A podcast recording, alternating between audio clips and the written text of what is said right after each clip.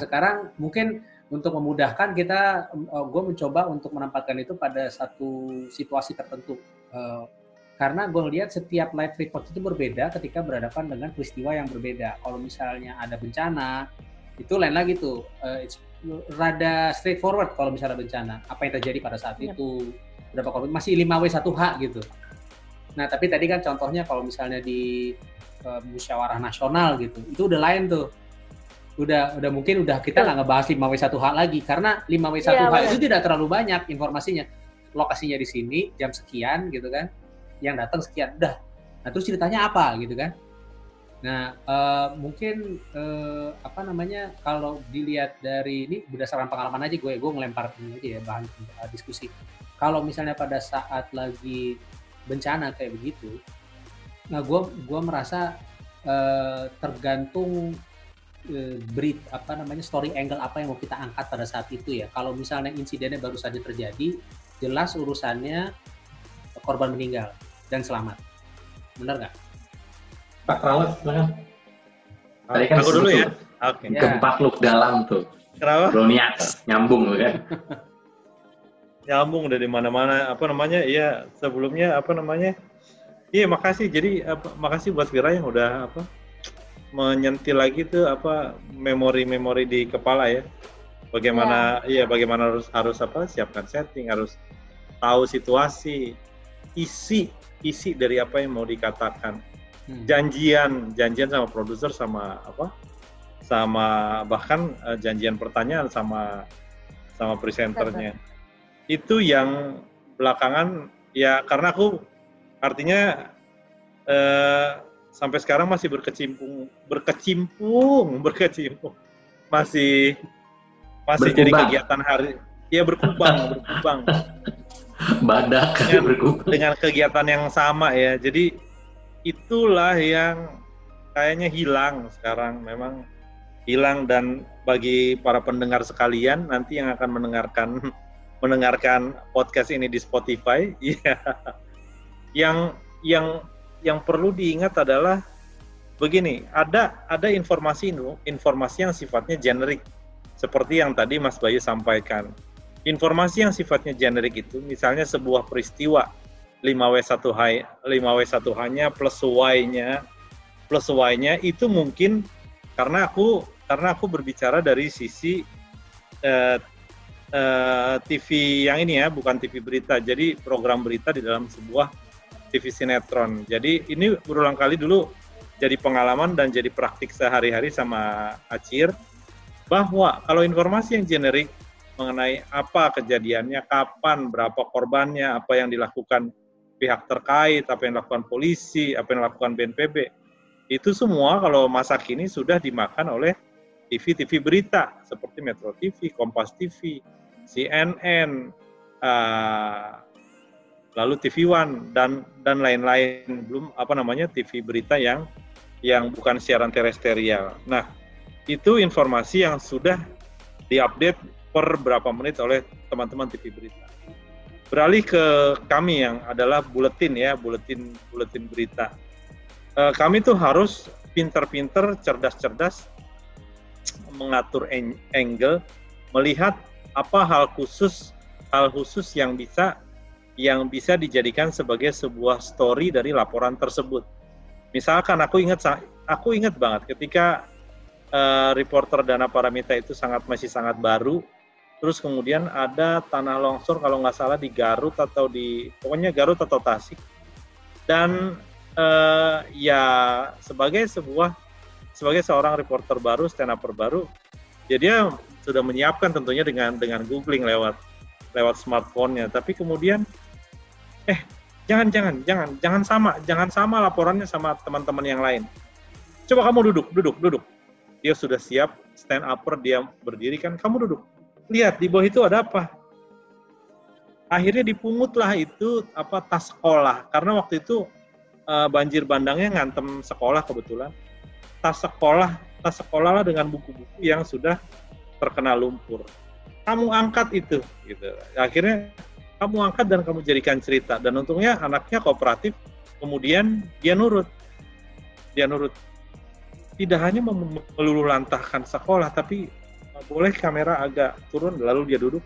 Dia pungut dia angkat itu uh, inilah yang inilah yang terjadi bahwa peralatan sekolah juga ikut hancur. Uh, beberapa hari lagi atau setelah ini bencana apa bencananya usai mungkin sudah dibersihkan tapi minggu depan Senin depan Rabu depan anak-anak harus sudah sekolah itulah yang jadi kebutuhan nah hmm. yang hal-hal yang seperti itu apa namanya hal-hal khusus seperti itu oh itu jadi apa namanya itu jadi pertarungan pertarungan kami ya di ruang redaksi uh, bu ruang redaksi apa buletin buletin berita uh, eh, TV sinetron ya untuk mengambil angle-angle yang bukan informasi generik tapi sudah lebih advance lagi ke hal khusus baru kita cerita ke umum dan itu menggali itu memang butuh kepekaan gitu ya butuh ya. kepekaan dari seorang jurnalis uh, supaya laporan dia itu ketika dia uh, ada di layar laporannya itu benar-benar apa namanya uh, jadi dia akan diingat bahwa dia akan diingat bahwa dia itu punya kehususan aku ingat dulu uh, waktu masih sekolah ya ada seorang reporter di RCTI yang namanya adalah namanya siapa tuh Ro Rom yang biasa dia di di sport tuh siapa tuh yang pernah jadi direktur juga di SCTV? Oh.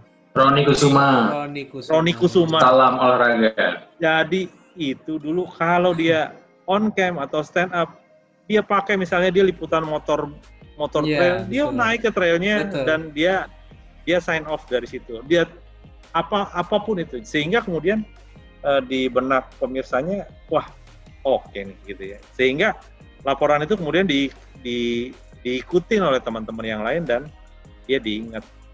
Itu sih yang aku ingat sekarang nanti aku panjang lagi. Gocir aja dulu sekarang. Gocir nah, silakan. tuh. Uh, sebentar. Kita hmm. lihat waktunya dulu. Ya oke okay, bisa. Cir bisa cir Uh, seru ngobrolin soal live report, benar. Uh, semua punya pengalaman masing yang uh, berkesan ya. Kalau live report tuh lebih dak dikdukdoer gitu. Tingkat nervousnya tuh benar-benar muncul gitu. Dan tapi di satu sisi ketika masa sudah masuk pecah telur itu jadi part of the show yang justru membuat adrenalin lebih seru lagi. Hmm. Nah, uh, kita ini kan berawal dari praktisi yang kadang lupa istilah tapi sering melakukannya begitu. Yeah. Dan terakhir-terakhir mungkin gue nemuin ya istilah dari ada 10, 10 the ways of, of visual storytelling. Itu yang mm -hmm. sekarang tuh ceritanya lagi booming kali ya mm -hmm. di anak-anak digital yang dibilang, ya kita mm -hmm. harus bicara tentang uh, visual storytelling. Ternyata buat kita anak TV itu ya itu udah sehari-hari. Khususon bener kita nih yang contohnya anak uh, eh, STV atau FCI memang uh, newsroomnya di tengah sinetron. Bener hmm. kata Pak Krawas tadi gitu bahwa hmm. mencoba untuk kemudian stand out uh, among other gitu prinsipnya stand out among the crowd uh, eh, gue punya pola prinsipnya adalah ketika uh, berita kan diapit sinetron berita sinetron sinetron itu punya istilah uh, hmm. menarik dibikin penting biar nyambung maka begitu nyambung ke news berarti harus penting menjadi menarik hmm. karena hmm. si uh, diagramnya itu akan nyambung lagi ke sinetron uh, hmm. menarik menjadi penting jadi itu si, si kuncinya di, di, di, di berita adalah uh, tadi kan uh, menarik jadi penting penting menjadi menarik hmm. itu kenapa harus kemudian larinya adalah ke visual storytelling? Apa yang seperti Pak Paulus bilang tadi uh, doing about uh, uh, delivering the stories. Benar 5W1H uh, di bencana bahkan tapi di saat yang saya melakukan itu uh, hmm. gue sih mengartikan gini. Jadi dulu tuh live report berarti harus live. Hidup. Jangan kemudian flat gitu. Kalau nggak live bukan live gitu kan gitu. Hmm. gimana caranya? Uh, show. Don't tell jadi kemudian ketika bilang ada lima korban, ya kalau bisa mungkin dekat situ begitu.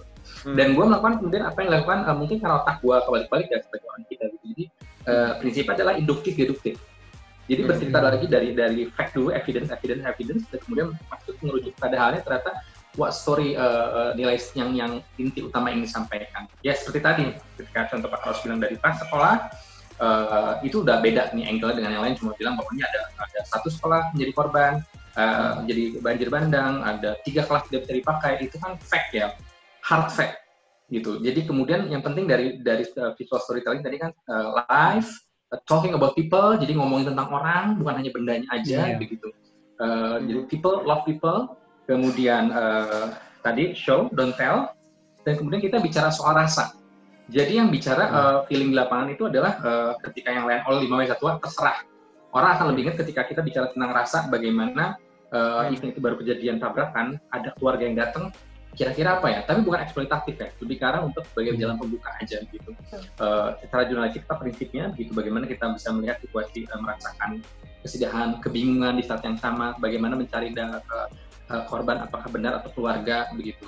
Uh, apakah bagian dari keluarga mereka ada momen begitu ternyata histeris gitu. Itu kisah rasa yang mainkan kalau menurut gue tiga aja di, di antaranya yang dikecualikan antara perasaan senang sedih happiness ya sad dan kemudian tension ya ketegangan bukan bikin orang marah tapi membangkitkan critical thinking gitu. Hmm. dan kemudian yang dilatihkan lebih jauh kalau pengalaman gue nih yang kemudian punya kesempatan lebih privilege, lumayan privilege sebagai uh, presenter di lapangan ketika hmm. peristiwa besar. Ada namanya bukan hanya sekedar live report, tapi live all program. Hmm. Itu contoh di mana uh, eh, gue kebagian di zaman-zaman gempa Padang ya. Jadi zaman-zaman dulu semangat yang ah, siarannya langsung semua dari lapangan jebret. Ini siapin paket-paket buat ganjel kalau emang sinyalnya jelek gitu. Jadi gue pernah banget uh, inget live report uh, siaran itu tanam petang setengah jam itu dari depan hotel Ambacang itu gambarnya hmm. lagi wah cucat cucat yeah. semua tuh yang ngambil uh, apa namanya beku lagi yeah. mencoba menolong hmm. dan lain-lain. Yeah. Tapi paket ceritanya tuh ke mana-mana gitu. Hmm. Ada kisah satu desa tergulung ketika ada yang pernikahan di daerah Padang Panjang, lalu ada soal kekurangan susu. Dan uh, gue punya prinsip ini sih, ketika live report itu ada prinsip asosiasi ya. Jadi apa aja yang di belakang kita harus kita bisa kait-kaitkan, tapi bukan sembarangan, tapi harus hmm. dikaitkan gitu. Hmm. Uh, jadi ketika tadi cerita Mas Bay contohnya yang uh, apa namanya uh, helikopter, helikopter contohnya kita, gue juga kurang lebih kita semua pernah merasakan hal itu ya dan dan yeah tetap coba ngakalin sih gitu. Jadi pernah ada yang ketika gue di depan Hotel Bacang itu bicara tentang soal korban anak kecil uh, dari ke korban gempa, bagaimana mereka juga kesulitan pastinya menghadapi itu. Jadi gue cepat-cepat twist ke ternyata ada yang biasa kan kalau bencana itu banyak jadi tontonan kan gendong anak minum susu. Itu adalah bridging sebetulnya bisa kita kalau di siaran radio uh, TV kan ada lead ya baca lead tapi bridgingnya akhirnya uh, part of the live show gitu jadi bahwa hmm. anak ini mungkin beruntung begitu karena masih bisa minum susu digendong oleh ibunya hmm. tapi tidak dengan uh, sejumlah anak-anak di daerah mana yang kemudian uh, dikirimkan oleh paket beritanya oleh koresponden kita gitu. Jadi kisah-kisahnya hidup gitu, menghidupkan hmm. kisah. Jadi si 5W1 hanya itu semua dihidupkan gitu, bukan sekedar dengan hmm. just mention number. Buat yeah. gua haram, itu sekedar gitu doang ya gitu. Karena hmm. prinsip gua begitu datang lapangan tetap uh, I can see what other people cannot see. I can see what hmm. other people what other stand up cannot see. Pokoknya gua mau angle gua paling tajam, paling diinget, terserah Ya, lanjut. Saya sebagai terakhir di posisi ini executive producer sama seperti yang kita kolaborasikan bersama Pak Laut ya di Newsroom Panendu, uh, eh, ada hal yang kemudian terus dicoba untuk tidak membosankan ketika live report harus mudik dan it's proven ya. Ada tiga reporter yang gue inget nih. Jadi zaman Boy Bakamaro sebagai reporter uh, diminta untuk kemudian live report, uh, Pramita Andini dan kemudian satu lagi adalah Beverly Gunawan. Uh -huh. Gue selalu kan gambarnya gambarnya adalah motor atau mobil lewat. Kemudian kalau mau standar cuman oke okay, hari ini menurut polisian ya pintu tol ini mobil lewat jam segini uh, jumlahnya berapa demikian mungkin ada data lebih jauh. Uh, itu berbanding uh, berapa persen lebih banyak kemudian tahun depan atau lebih sedikit? Oke okay, guys itu adalah uh, sebuah data-data mentah data-data suruh makan. Nggak akan masuk cuy. Kita harus main rasa di situ main main rasa. Rumus gua adalah rasa logika rasa lagi baik lagi. Jadi lu buka dengan sesuatu yang mungkin jadi lebih ke tension, mungkin ada apa ada kecelakaan, ada sebuah kesenangan atau happiness yang tak terduga di situ atau bahkan kesedihan yang tak terduga. Jadi uh, dan itu proven rumusnya begitu. Jadi yang gue gebak Kamaro itu gue minta lu harus nemu apa yang orang lain nggak nemu. Lu bongkar tas orang yang kemudian lu cegat dan todong apa itu bahkan nggak pakai settingannya adalah uh, by feeling kekuatan feeling ya gitu. Si boy ini dapat akhirnya di Merak kalau nggak salah gitu. Jadi uh, pemudik dengan menggunakan motor yang itu tapi tahun dilarang tapi dia tetap pulang dari Medan ke Jawa. Ditodong Pak buka tasnya. Ada apa ini? Prinsip razia tas. Ternyata dia membawa jengkol khas Medan. Jengkol khas Medan tetap dia bawa sampai ke Pulau Jawa. Ngapain? Kau mudik bawa jengkol gitu. Buat dia si bapak itu bilang nggak ada yang gantiin jengkol Medan lagi dia bilang gitu. Dibawa buat oleh keluarga saya. That's the story gitu. Jadi bukan hanya ternyata bilang bahwa hari ini ada motor berapa mobil berapa beca berapa itu akan sama semua layar gitu. Jadi cari kisah yang orang lain nggak tahu, tapi sebagai pintu masuk untuk bilang, ya bapak ini ternyata memilih untuk kemudian pulang di malam hari karena panas ya konek motor dan ini jumlahnya menurut dari uh, Merak ini peningkatan nih di H-2 menuju Lebaran. itu data yang kemudian uh, hard fact lima meter Tuhan tapi kemudian kalau semuanya dimulai dari dan gak ada cerita lagi flat cuy gitu. Nah yang kedua hmm. adalah si permintaan ini sama formulanya gini. Gua nggak mau tahu, lu cari lagi apa yang bisa dia di rest area di, di tol yang baru Cipali. Ini anak kan sableng juga otaknya sama kayak gua kan gitu jadi yang todong-todong lagi semua pak, ayo dong pak apa? gitu. Dan akhirnya dia nemu apa coba? Si pemudik ini membawa burung peliharaannya mudik juga.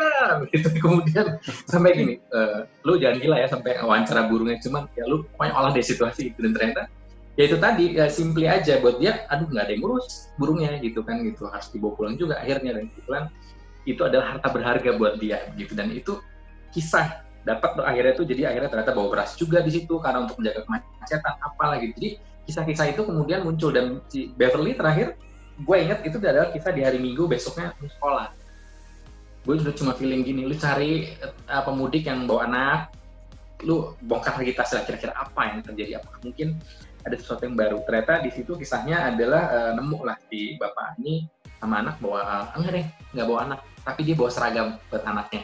Sekolah dia beli jauh-jauh gitu karena uh, budget dia terbatas, dia ternyata harus pulang ke Jakarta, tapi dia beli di kampung lebih murah. Apa itu sumbangan dari keluarganya? Gue lupa ya. Jadi kisah-kisah kayak itu kan menyentuh ya. Wah dia hmm. punya duit apa masih pingin uh, uh, apa giving sesuatu untuk hari Senin anaknya kayak gitu-gitu tuh jadi uh, prinsip uh, benar newsroom di tengah TV sinetron itu membuat kita bekerja lebih keras, hmm. mencoba lebih kreatif, karena harus waktu juga kan. Sehingga ketika bicara saat ini saya berada haram karena sudah ada charger gitu kan gitu. Langsung aja gitu. Bagaimana sih uh, pertanyaan presenter juga suka gue hardik nggak bisa lo cuma standar. Bagaimana situasi hari ini? Lah hmm. cuma nanya gitu doang juga uh, hmm. semua orang bisa nanya kayak gitu. Semua orang uh, kalau gitu bisa jadi presenter. So harus lebih tajam gitu dan lebih lebih menghidupkan gitu baik dari hmm. uh, di uh, di studio maupun di lapangan gitu deh kisahnya kurang lebih baik